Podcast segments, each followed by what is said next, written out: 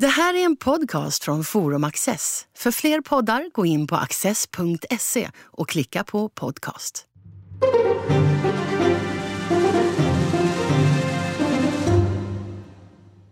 Välkomna till Studio Access. Och välkommen, ja, välkommen tillbaka eh, säger jag till eh, Mauricio Rojas, eh, docent i ekonomisk historia, författare. Välkommen tillbaka till Studio Access, men också till Sverige. Du är här för att eh, vara med och presentera en ny bok, en översättning av Mario Vargas Llosa. Och Ja, för att fira helger i, i Sverige. Och vila mig lite från ja. Chile. ja, det har varit en intensiv höst i Chile och det är där, där, vi ska, kan man säga. där vi ska börja, absolut. Eh, men du kan väl berätta lite. Du, för några år sedan så jobbade du arbeta åt president Piñera i, eh, i Chile. Vad, vad gör du nu? Ja, jag har arbetat med honom sedan 2013. Jag har skrivit två böcker eh, som är halvbiografiska om om honom. Arbetade också mycket nära presidenten i La Moneda-palatset, också som talskrivare och rådgivare också. Eh, eh, blev minister också mycket kort tid, eh, kulturminister. Och sedan dess har jag arbetat på universitet eh, som lektor, ekonomisk historia bland annat och, eh, och gör mycket annat, skriver en hel del också på, på det här eh, fina språket som spanska är. men, men, har du några uppdrag eller relationer med, med den, eh, Piñera och regeringen fortfarande? Helt informella, med, med, sällan också. Mm. Men då och då blir det... det... Kontakter? Ja, ja, ja om, det, om, det, om det är något speciellt eh, då, då, kan jag bidra med någonting. Men det är väldigt sporadiska relationer. Det är, det är ingenting som är professionellt eller på riktigt. Det, det är inget jobb så att säga. Mm. Vi har ju fått mycket rapporter om, om att det har varit eh, ja, stökigt och värre än stökigt i, i Chile under hösten. Men, men hur är det nu? Det är lite bättre än, än vad det har varit, för det har varit extremt mm. våldsamt. Eh, eh, tusentals plundringar, bränder. Eh, varje dag har det blivit ett slagsfält varje kväll i Santiago, men inte bara i Santiago utan nästan överallt i Chile.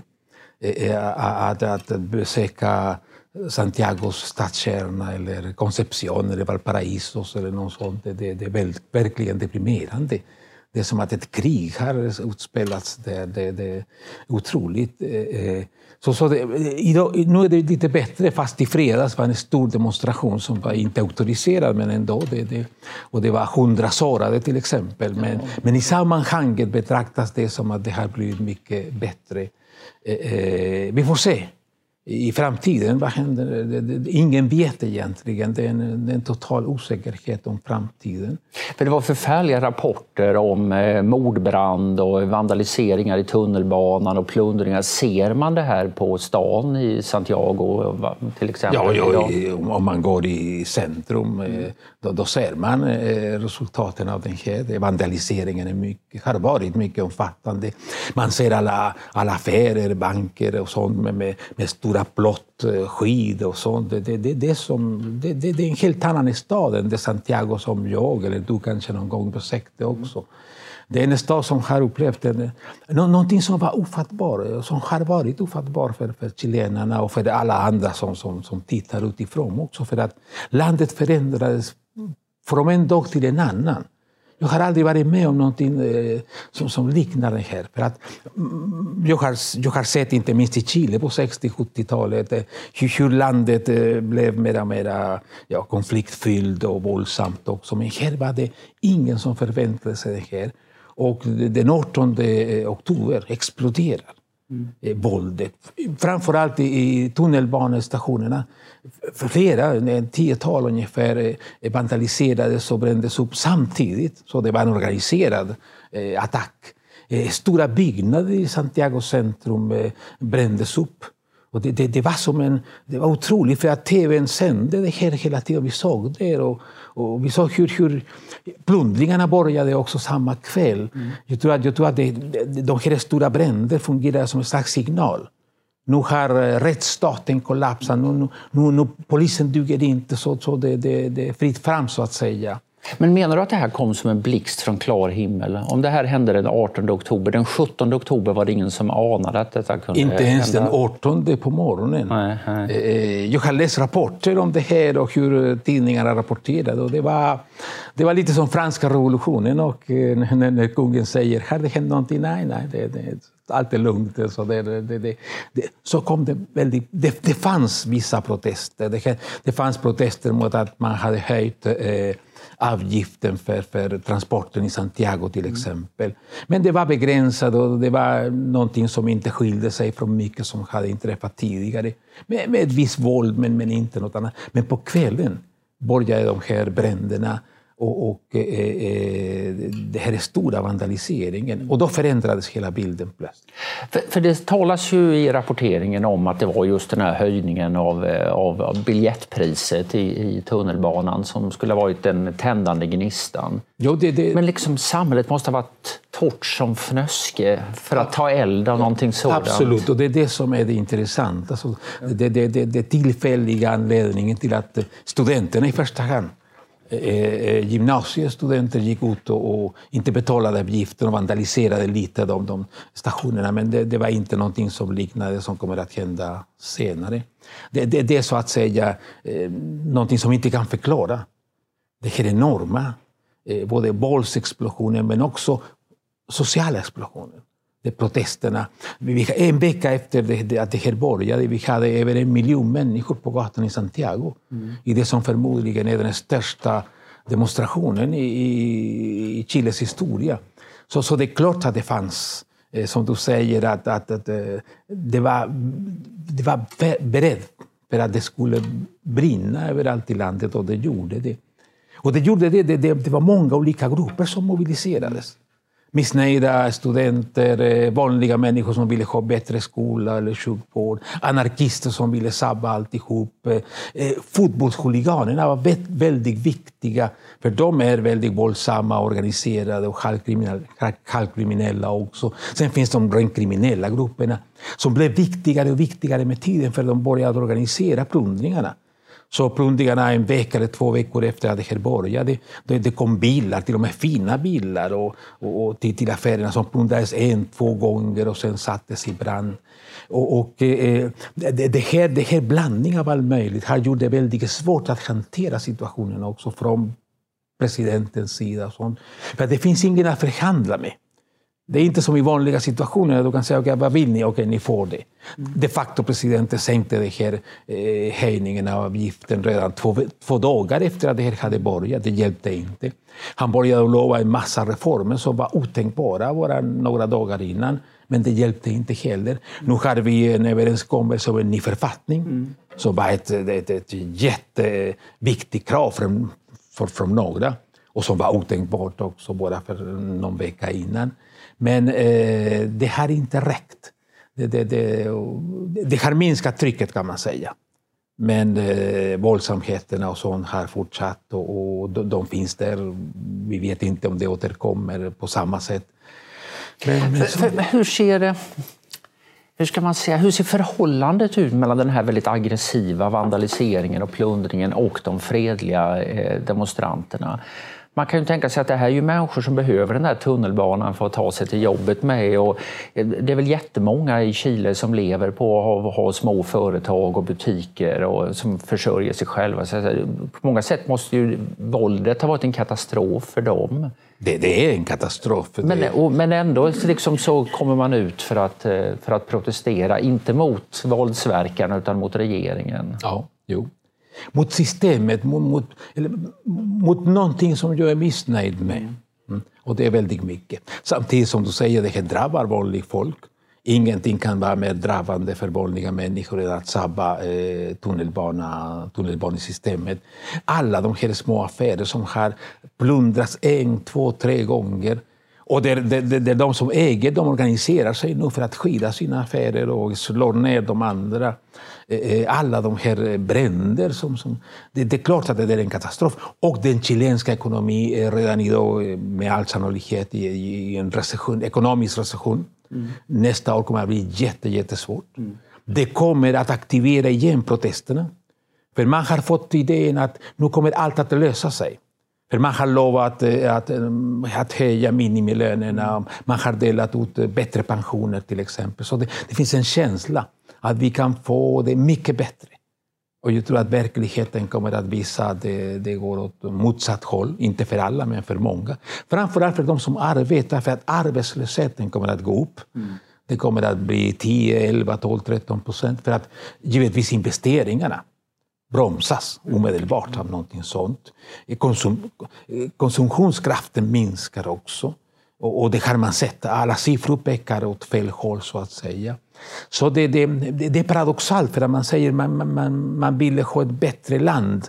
Samtidigt kommer att bli eh, Chile fattigare idag och kommer att bli mycket fattigare nästa år också. Eh, ändå, ändå majoriteten säger fortfarande idag att det är bra att gå ut och demonstrera. Även om de vet att det här används, att våldsgrupperna, som är minoritet men som är väldigt eh, eh, som drabbar väldigt många. Jag tänkte just fråga dig det. Hur stor är Chiles befolkning ungefär? 18 miljoner. Ja, så, en miljon är ute. Då undrar man vad tycker de andra 17 miljonerna? Ja. men de... en, miljon, en, en miljon var ute i Santiago, så, så ja, man måste ja. räkna eh, okay. några ja, Det är en väldigt stor demonstration. Ja. Det är en väldigt stor. Eh, den frågeställningen kvarstår. Mm. Vad säger de andra? För att, för att det, man kan dra paralleller till exempel till, till Frankrike och 1968, mm. maj månad. Stora demonstrationer och nio miljoner i strejk. Men en månad efter vinner högern stort mm. eh, parlamentsvalet. Och de Gaulle den 30 maj, eh, han, det, det är den största demonstrationen i Frankrikes historia praktiskt för att stödja de Gaulle mot det här. Så, så i Chile kan det också finnas en, en stor majoritet eller en stor del av folket. Som, Men du sa just att det var många som ändå var för de här demonstrationerna ja, och protesterna. Visst, så ja. är det. Så är ja. det visst. Men det, det, det, går kanske inte att mäta så bra om man är för eller emot det här? Det är väldigt svårt och, och tiden spelar roll också. Det som händer första veckan är en sak, men det som händer två månader efter kan vara helt annorlunda. Mm. mm. Det beror lite på... Jag tror att våldet som, som var så, så skakande för alla, det, det, det har förändrats, eh, förändrat bilden på den här en hel del. Människorna är trötta nu på, på, på plundringarna och på bränderna och sånt. Eh, det har kostat 26 människoliv. Mm. De flesta dog faktiskt i, i plundringssituationer. 12 av dem dog innebrända i lokaler som plundrade och sen fyra till i olika eh, konflikter där mellan de som ägde affärerna och sånt. Mm. Så den delen eh, tror jag att, att eh, man... Eh... Vad, ska vi, vad ska man säga om den, vad ska man säga, statens motreaktion mot detta? Då? För eh, polis och karabinjärer har fått väldigt mycket eh, kritik för hur de har uppträtt. Och, och, det, och det förtjänar de. Ja. Eh, inte så att, att poliskåren har, har gått ut med instruktioner att, att, att, att att använda övervåld eller kränka de mänskliga rättigheterna. Men väldigt många, eller tillräckligt många för att det ska bli en skandal, har gjort det. Och det är fullständigt oacceptabelt. Har du någon idé om vad det beror på? Den här situationen var någonting som, som, som inte kunde hanteras inom de ramar som, som poliskåren hade. Eh, instruktionerna och allt möjligt eh, blev helt eh, det, det, det här var totalt så att säga utanför ramarna. Mm. Utbildningen de har, eh, också de, de materiella medlen de använder. Allt det visade sig vara otillräckligt eller, eller, eller, eller som inte funkade. Eller som, som, som, som gjorde mer skada än nytta många gånger. Mm. De använde hagelgevär till exempel som har drabbat många i ögonen. Mm. Och, och sådana saker som de har använt på ett fel sätt. Så ändå måste man säga att idag finns det 2700 poliser som är sårade. Mm. 200 polishus, stationer, har attackerats. Så polisen har varit mycket hårt ansatt också. Det rättfärdigar inte alls att de har kränkt eh, människornas rättigheter över våld. Eh, men staten, staten som sådan och statens våldsmonopol, det som är så viktigt i ett civiliserat samhälle, det har mer eller mindre kollapsat i stora delar av Chile. Det är det som är det mest slående, det som man blir oerhört eh, tagen av. Att se de här stora områdena i Santiago och överallt i Chile som är utan poliser, utan skydd och där de kriminella kan gå ut och göra vad man vill.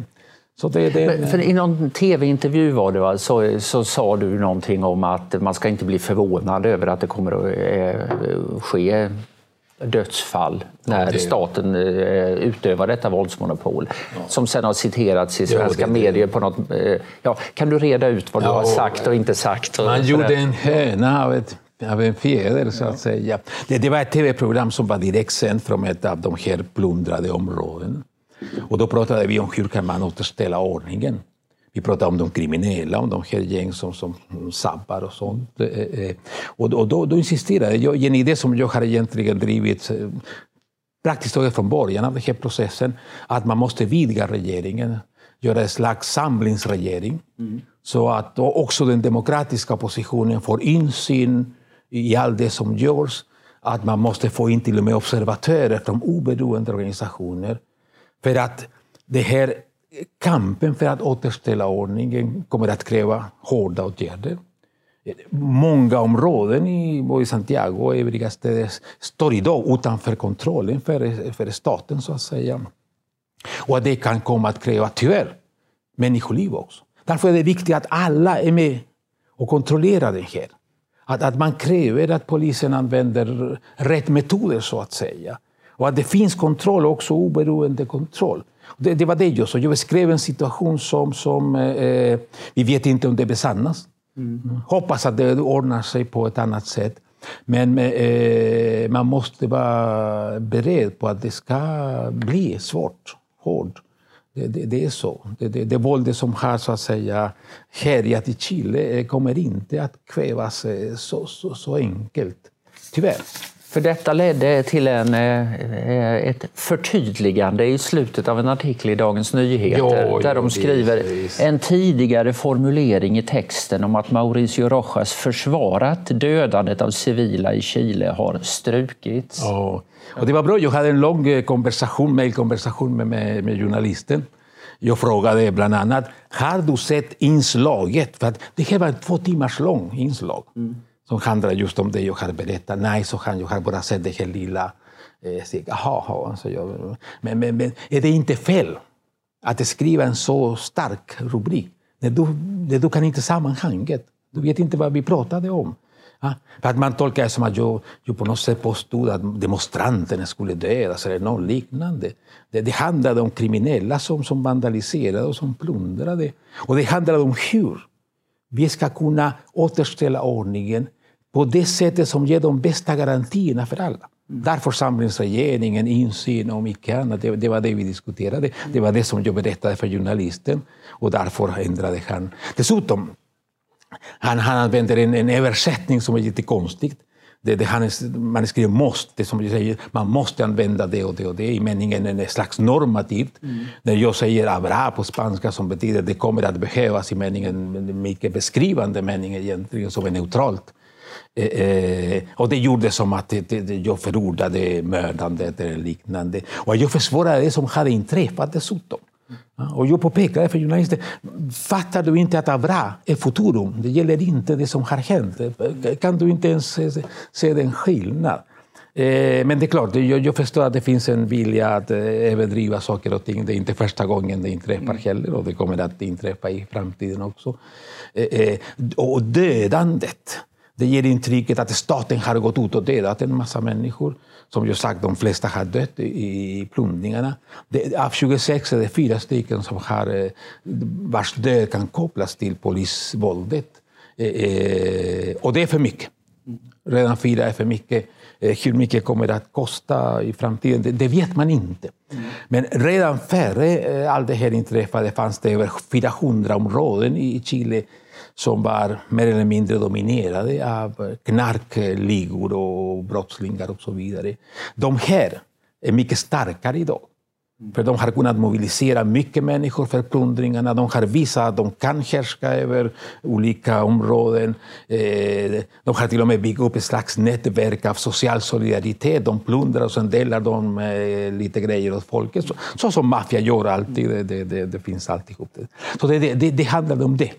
Okay. Om den saken. Det, det, här idén om att vidga regeringen. Eh, Pinera har ombildat sin regering, men har han, har han vid, breddat den också på det sätt som Nej. du förordade? Nej. Han, han, han, gjorde det i en mening. Han tog in människor som, inte, som var ganska annorlunda vad gäller vad ska jag säga, ursprung och sättet att tala, mycket mer folkliga.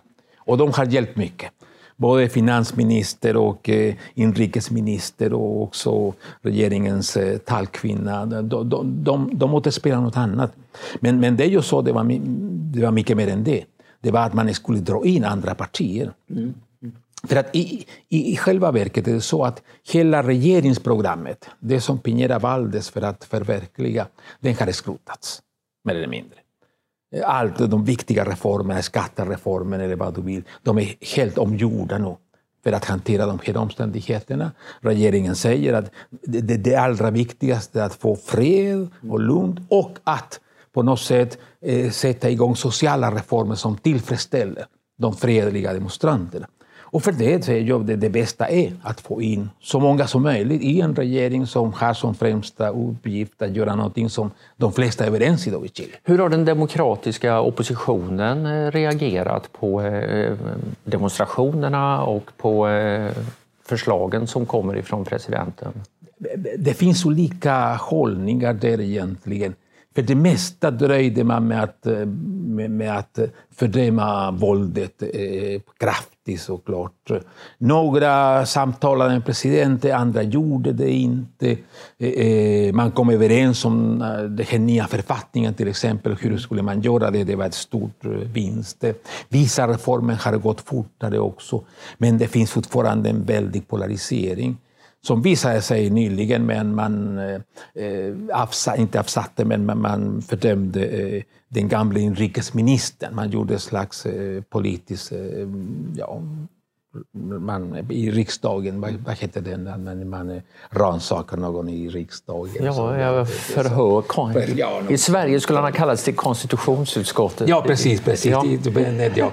Och till och med man ville eh, eh, Eh, avsätta presidenten. Mm. Och man, man presenterade ett sådant eh, förslag i, i, I parlamentet, i, parlamentet uh -huh. i, i deputerade kammaren, mm. Eh, som är representanthuset i Chile. Det, det, det förlorade, men det var ändå väldigt många från oppositionen, nästan hälften av eh, deputerade kammaren, som röstade för Eh, att driva en sån process, en impeachment. En, mm. en mm. sånt. Eh. Så det, det, det, det, är ganska, tyvärr ganska polariserat fortfarande. Eh, men jag hoppas på att det, det kan bli annorlunda. De här, det här missnöjet som du säger, som är någon, ja, framförallt om jag förstår det rätt, en, ett, en känsla som inte är helt specifik. Eller, eller rättare sagt, det är många olika många, sorters missnöje. Som är, vad är mest centralt i det? Jag skulle säga så för att en, en, debatt som finns, det är att om, om den chilenska utvecklingsmodellen som var så att säga, det här stora stjärnan i den latinamerikanska himlen, om det har misslyckats till exempel. Sånt. Jag säger att det är tvärtom.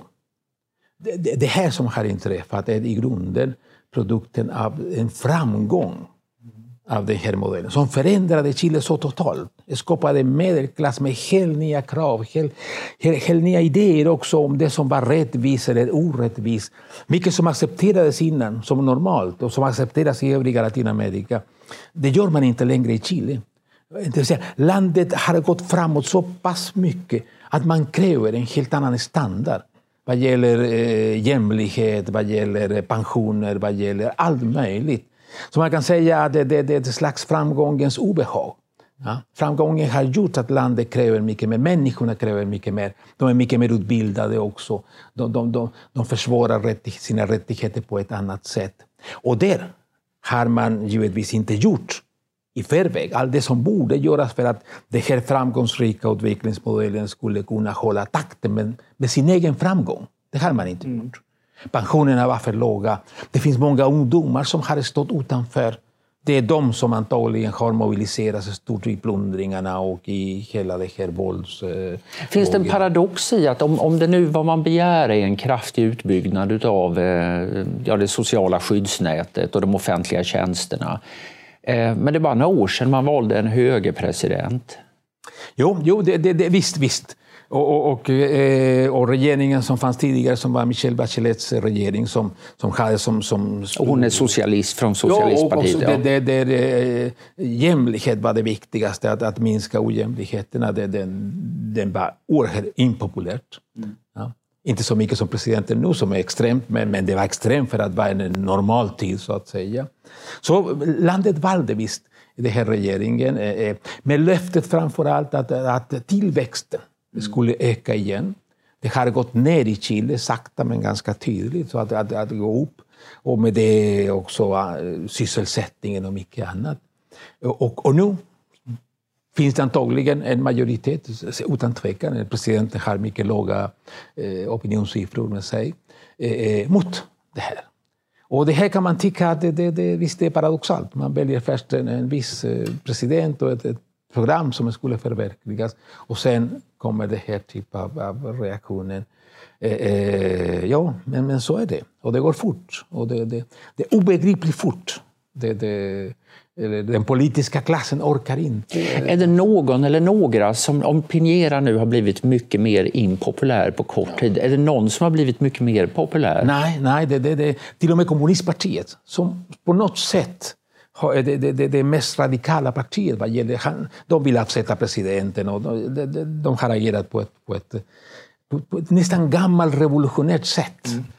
Ja, men de tror att de, de, de, det är Ryssland 1917 och att det är Vinterpalatset och inte La Moneda-palatset och sånt. Det är det mest impopulära partiet idag. De får det lägsta opinionssiffran, till och med sämre än presidenten. Så ingen har kapitaliserat det här, inget politiskt parti det, det, det, det, det är ett ganska typiskt eh, missnöje för, nu för tiden. I många länder är det så att den politiska klassen har inget eh, så att säga, förtroende hos folket, men folket ändå protesterar. Man kan se Paris eh, eller Frankrike med de gula västarna. Och det, det, det, det liknar mycket den, den typen av protester. Det, det är en utvecklad eller relativt utvecklat lands protester. Det skiljer sig från Latinamerika i övrigt som var de fattigas protester ofta. Det här är medelklassen framför allt men det finns en stark komponent också, att lite fattigare delar. Eh, allt blandat. Men i grunden är det här nya medelklassen som lever i en stor osäkerhet samtidigt. De kräver en bättre så att säga, skyddsnät. Eh, de har gått upp eh, i deras levnadsstandard, men, men om, om de blir sjuka eller om det händer någonting, de kan falla så att säga pladask till, till, till fattigdomen igen. Så det finns många, många olika krav. Eh, eh, också många saker som, som jag sa, hur man bedömer det normala i ett land, det, det acceptabla i ett land. Mm. Det har förändrats kraftigt i Chile. Ja. Så plötsligt det är många saker som tidigare var helt okej, okay. de är inte längre helt okej. Okay. Att man får vänta för mycket för en operation eller att... att fin, många olika saker. Just det här att man, eh, man får det bättre men man känner att den förändringen är skör och ja, att det kan ja, falla tillbaka. Ja. Det verkar vara något som går igen på många håll där det blir eh, oroligt. Eller, även om man är, är mindre fattig än tidigare. Man upplever det som att man är fattigare. Mm. För när man utbildar sig, när, när man börjar se världen så stor som den är med, med massor med möjligheter då är det man har, även om det är mycket mer än vad man hade för 20-30 år sedan, för så är det i Chile, alla har gynnats av det här. Mm. Också de fattigaste delarna av folket. Ja. Men jämför med, med, med vad du, du, skulle vilja ha, vad du vet att det finns där ute i världen. Ja. Det, det, det, det förminskar det du har idag. Mm. Så, så, så frustrationen eller missnöjet kan öka när ett land blir, eller folket blir lite rikare, mm. mer utbildade. Då förstår de att allt det som finns som de inte har. Och saker som att eh, ojämlikheterna och sånt, eh, de blir också eh, starkare. De upplevs som mycket starkare. Så den relativa fattigdomen är mycket svårare att hantera politiskt än den absoluta fattigdomen. Ja? Och det är det mycket av det som Chile har eh, upplevt, utan tvekan. Ja, jag förstår. Mauricio Rojas, tack så hemskt mycket. Tack, tack. Och här kommer några extra minuter med vår gäst. Jag tycker det, det, är ju himla intressant det här du säger att ingen förmår kapitalisera på det här eh, missnöjet. Eh, I Argentina eh, har det också varit missnöje med en mm, ja, center-höger-regim men där valde man ändå att gå tillbaka till peronisterna och ge dem chansen, ja, för gud vet vilken gång i ordningen så att säga. Men Bachelet eh, firar inte stora triumfer eller, eller någon annan ifrån den gamla vänstern. Ingen gör det. Ingen gör det. Inte ens den radikala vänster, eh, kommunistpartiet till exempel, eh, gör det. Och det, är, det, det vanliga man hör på gatan är att alla politiker är tjuvar, och, som Italien ungefär. Det har blivit en italieniserad situation där. Och, och, och, och, det gör också att det, det, är politiskt mycket svårare att hantera det här. Det skulle det finnas några partier som kapitaliserar det här, som representerar missnöje, då skulle man kunna åtminstone diskutera med dem. Men så är det inte. Och, och, då är det också så att man vet inte vilka åtgärder som kan bara räcka för att det här ska lugna sig. Man tror att man har höjt pensionerna och minimilönerna och en massa sådana saker. Men man vet inte riktigt om det där kommer att duga. Eh, man vet med all säkerhet att de våldsamma grupperna de kommer inte att bli nöjda med det här. För att det de vill är en total förändring eller att staten faller ihop. Men de radikala grupperna de behöver de här andra grupperna. För det är när det blir stora mobilisationer eller demonstrationer som de kan agera mycket friare. Det första, de är med i demonstrationerna, vad de använder det här. Men de också vet att polisen måste vara där. Och då är polisens möjligheter att kontrollera resten av landet så att säga mycket mer begränsade. Men, men, men det är så visst. I, de, I kommentarer och analyser av det som händer så refereras det fortfarande väldigt mycket till eh, åren med militärdiktaturen och Pinochet. Och man kan tänka sig liksom, det är snart 30 år sedan, det är lika länge sedan eh, Pinochet avgick som det är sedan Berlinmuren föll, mer eller mindre. Eh, hur kommer det sig att det utövar en så stark, eller spelar en så stark roll fortfarande? Jag tror inte att det gör det längre faktiskt. Mm.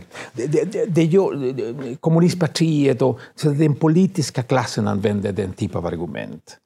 Att, att det här är Pinochets eh, system eller något sånt. Men, men eh, vad jag har sett, det man ser i de här stora demonstrationerna, det, handlar om sjukvård, om skola, om löner, om pensioner. Det handlar inte om Pinochet eller något sånt. Utan, för att, och, och inte, inte, inte ens det, utan man vänder sig mycket explicit mot demokratiperioden. En mycket känd paroll har varit det för att, för att eh, eh transportpriserna höjdes med 30 pesos. Mm. Och man säger det är inte 30 pesos, det är 30 år. Och det är de 30 åren av demokratin som vi har haft. Och man fördömer mycket kraftigt hur man har hanterat så att säga, demokratiseringen och hela den, den demokratiska utvecklingen. Eh, ehm, så det, jag, tror inte att det handlar så mycket om den tiden, utan om, om, om, om läget idag. Hur, hur det Eh, för skulle det handla om det, då skulle de som var mot Pinochet då på något sätt eh, kunna leda den här mm. Men det, det är de inte alls. Finns det till och med en risk att liksom den sortens tankar väcks igen? Att här måste militären in och hålla ordning? I tre veckor efter ungefär det, det, det hela hade börjat, då förstod alla praktiskt taget att demokratin var på väg att, att, att, att falla sönder. För det, våldet bara växte. Mm. Och presidenten skulle i praktiken vara tvungen att dra in militärerna igen. Mm. Som tur var gjorde inte presidenten det, det var en tisdag. Det, det var otroligt våldsamt den dagen. Det fanns all anledning. I alla andra länder hade man givetvis förklarat undantagstillstånd. Det gjorde inte presidenten för att man visste, gör jag det då kommer två miljoner ut mm. och imorgon blir det ett blodbad. För militären hade varit ute? Ja, det var en vecka. Ja, ja. Det, det, var, det, det var en mildare form av utegång, eh, eh, både utegångsförbud men också undantagstillstånd. Mm. Som tillåter vissa saker men inte mycket, så militärerna hade en mycket begränsad uppgift. Det var mycket viktigt att de var ute, de, de gjorde väldigt bra ifrån sig också. Eh, men eh, eh nu skulle det inte räcka med det. Utan det var så att man skulle införa ett slags krigstillstånd. Mm. Det, det, är inte riktigt det, men det är motsvarighet till krigstillstånd. Eh, och för det skulle presidenten vara tvungen att gå till senaten. Mm. och, och ansöka om, om lov för att göra det. Men han skulle få nej och då, då visste man inte längre. Kanske presidenten skulle vara tvungen att avgå och man kan inte hantera det här om man, de säger nej. Det. Så det var en situation och det gjorde att den moderata vänstern, till och med en del av den radikala vänstern, förstod att nu är vi på randen att det händer någonting som vi inte har en aning. Mm. Ja, och som kan sluta med att till sist blir en diktatur av någon typ. Så, så, det, det, det, var några timmar som var otroliga. Och då, alla började säga vi har 24 timmar. Mm. Och inom 24 timmar slöt nästan alla politiska partier det avtal om den nya författningen. Mm som var en mycket viktig, det är inte en vändpunkt, men en viktig händelse. För när jag, I det här att, att man talar om att eh, Pinochet-åren, liksom, att det refereras till dem fortfarande. Det är ju bland annat i samband med författningen. Ja, eh, och, och, som då är så att säga, tillkommen under militärdiktaturens ja. tid. Men sen verkar den, den är ändrad massor med gånger massor sen under gånger. den demokratiska eh, tiden. Är det no, liksom, hur mycket är kvar av Pinochet? Rätt i den där eh, författningen? Det har, det har reformerats över 200 gånger Oj. ungefär. Och eh, det, det, den som signerade den nuvarande författningen det är Lagos, presidenten Lagos 2005. Mm. Så egentligen är det Lagos författning, men det kommer från, från författningen 1980 som var Pinochets. Eh, eh, och att man vill ta bort den här gamla författningen, det var inte något viktigt krav. Men det blev viktigt. Det vill säga, plötsligt börjar man kanalisera och vi får en ny författning. Då ordnas alltihop. Mm. Så det var inte mycket för att det var Pinochets författning, utan för att nu skulle vi kunna ordna den här genom en ny författning. Mm. Numera när vi har på gång en sån process börjar de flesta människorna inse att nej, det, det kommer inte att ordnas på det viset. Så nu, nu är författningens betydelse gått ner och nu är det återigen viktigare pensionerna och vård och sånt. Det, det. Men, men, men som sagt, det är klart att det är Pinochet, men, men man ville en förändring, för att med den förändringen trodde man, eller man kunde föreställa sig att pensionerna skulle eh, bli bättre eller skulle bli en slags magisk eh, lite jultomtelista. Sådär. Eh. Men, men, eh, och det kommer att bli ett stort missnöjeskälla för att vi kommer att få en ny författning Eh, det, det, det, är ingen tvekan om det. Vi kommer att få en folkomröstning i april om det och sen kommer vi under 2021 att bearbeta den här nya författningen. Men det kommer inte att, att, att, att göra landet varken rikare eller eh, bättre på något riktigt sätt. Kanske i det långa loppet. Men... Ska man vara cynisk kan man väl säga att Latinamerika har haft eh, väldigt många fina författningar genom eh, åren. Vi har rekorden. Vi ja. över 250 författningar. Eh, och det har inte alltid fungerat för att skapa lugn nej, och harmoni och välstånd. Det är 14 per land ungefär. Ja. Förenta staterna har bara, bara en författning och det, den, den duger fortfarande. Nej, men I Latinamerika har vi den, den magiska tanken att genom ett papper kan vi skapa något nytt. Det är det, det, det, det, det här fantastiska idén om att vi kan trolla fram en ny verklighet på det viset. Det, det har aldrig fungerat. Det kommer inte heller att fungera. Men det kommer att bli viktiga konflikter där utan tvekan. Eh, om till exempel äganderätten mm. eller skyddet. Där. Och det gör att eh, också investeringen och mycket annat, är, eh, våldet plus det här är två mycket stora osäkerhetsmoment. Mm. De radikala kommer att driva mängder av krav. De, de kommer att försöka mobilisera missnöjet också. Mm. Och då kan vi tänka oss att det kommer att bli stora eller episoder av våld under kommande året också. Det, det vet man inte. Egentligen det, det, det, det.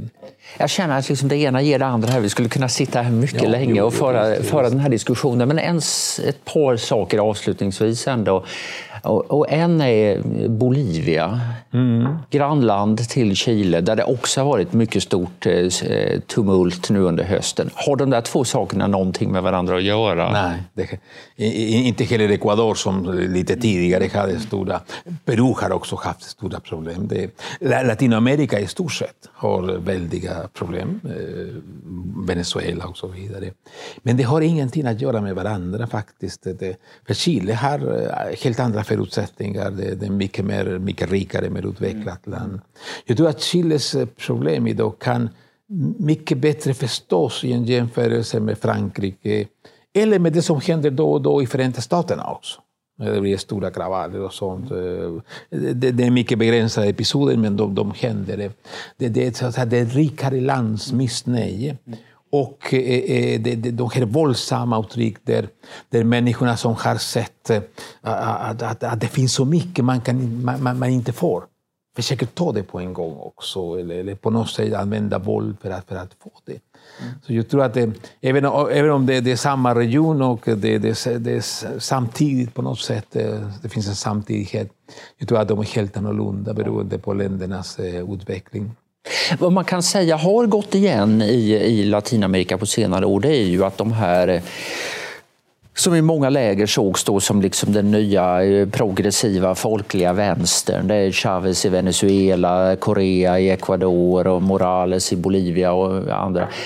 Alla de, liksom, ja, det har gått mycket dåligt eh, i dessa olika länder. Och jag vet att i en artikel du skrev i, i våras så sa du att nu kan det mycket väl bli så att nästa våg blir det själva verket högerpopulister i Latinamerika och Bolsonaro i Brasilien var då ett tydligt exempel. Ja. Hur ser du på den profetian eh, kontra vad som har hänt i Chile nu i höst?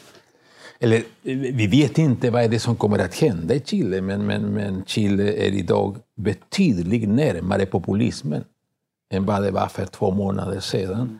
För att det här missnöjet med den politiska klassen, det, här, det, det, det, det, är det som populismen ofta behöver. Det, det, det är stoff som, som, som bildar grunden för populismen. Ja, att, att, det finns ett stort missnöje, ingen representerar det här missnöjet på riktigt och, och, och, plötsligt kommer någon som eh, eh, säger jag kan göra det och det. Så, så, så, och hela Latinamerika. Eh, eh det finns situationer som kan ge upphov till, och har gett upphov till ganska klassiskt för eh, populistiska svar. Och en, något centralt i det har varit i Brasilien eller Mexiko höger och vänsterpopulismen, kravet på ordning, på, på, på, på, på det grundläggande. Att staten gör det som är det mest basala. Att hålla skurkarna någon annanstans och hålla ordning och så vidare. Eh, eh, som man kan uppnå också med, med, med, brutala metoder, metoder som i Filippinerna eller Brasilien har också varit på väg dit. Men, men det, är, det, det är det som kommer att vara viktigt. Och det, det har varit en klassisk att säga, högerkonservativt, hård mm. linje, ordning och reda så att säga. Mm. Eh, men i Mexiko, den nya presidenten har drivit den här linjen också. Men i Chile kan det sluta någon gång Men att det, blir, det växer en sån eh, rörelse. En motreaktion. Mm. Och eh, jag, det, det, bland de saker som har bekymrat mig mest, det är att se hur de som har små affärer eller de som bor i kvarter som är eh, ansatta av andra, hur de organiserar och beväpnar sig. Det hade jag inte sett i Chile sedan 30-talet, eh, när det, det hände det också. Men nu finns det en organisering. Och några av de som har dött har dött i konfrontationer mellan de här självförsvarsgrupper och banditerna. Eller, och, och där finns allt som behövs för en slags fascistisk rörelse. Mm. Våldet mot våldet. Eh, vi medborgarna tar saken i egna händer. Och, eh, normaliseringen av våldet är något oerhört eh, bekymmersamt.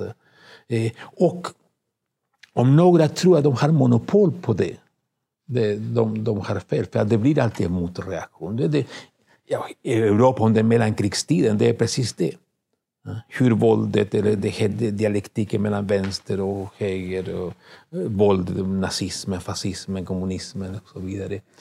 Så det, det... så det är lugnare men fortfarande mycket farligt läge? Ja, helt... helt. Du, nämnde, du, du nämnde populismen här och eh, jag nämnde inledningsvis att du är i Sverige för att presentera en ny bok. Och det är en översättning av Mario Vargas Llosa som har skrivit en sorts vad ska man säga, intellektuella memoarer. Där han berättar om ett antal tänkare som har betytt väldigt mycket för honom och eh, du har skrivit förordet till denna. I det förordet nämner du just att populismen har varit en av de sakerna som Vargas Llosa ja, under hela sitt moderna, ända sedan han lämnade Castro efter någon gång början på 70-talet, eh, Alltså, som han har engagerat sig i. Har du pratat med honom om vad som har hänt i Chile? Nej, in, inte efter att det hände. Nej, nej. Jag, jag träffade honom eh, tidigare, men inte, han hade skrivit om, om Chile. Eh, mycket förvånad också och, och sagt mer eller mindre att eh, Chiles problem måste jämföras med utvecklade länder som Frankrike. Det, det, det resonemanget. Så, mm. som inte alls. Men, men populismen det är någonting som har eh, bekymrat honom sedan, sedan länge. Det är ett gammalt eh, latinamerikanskt eh, sjukdom också.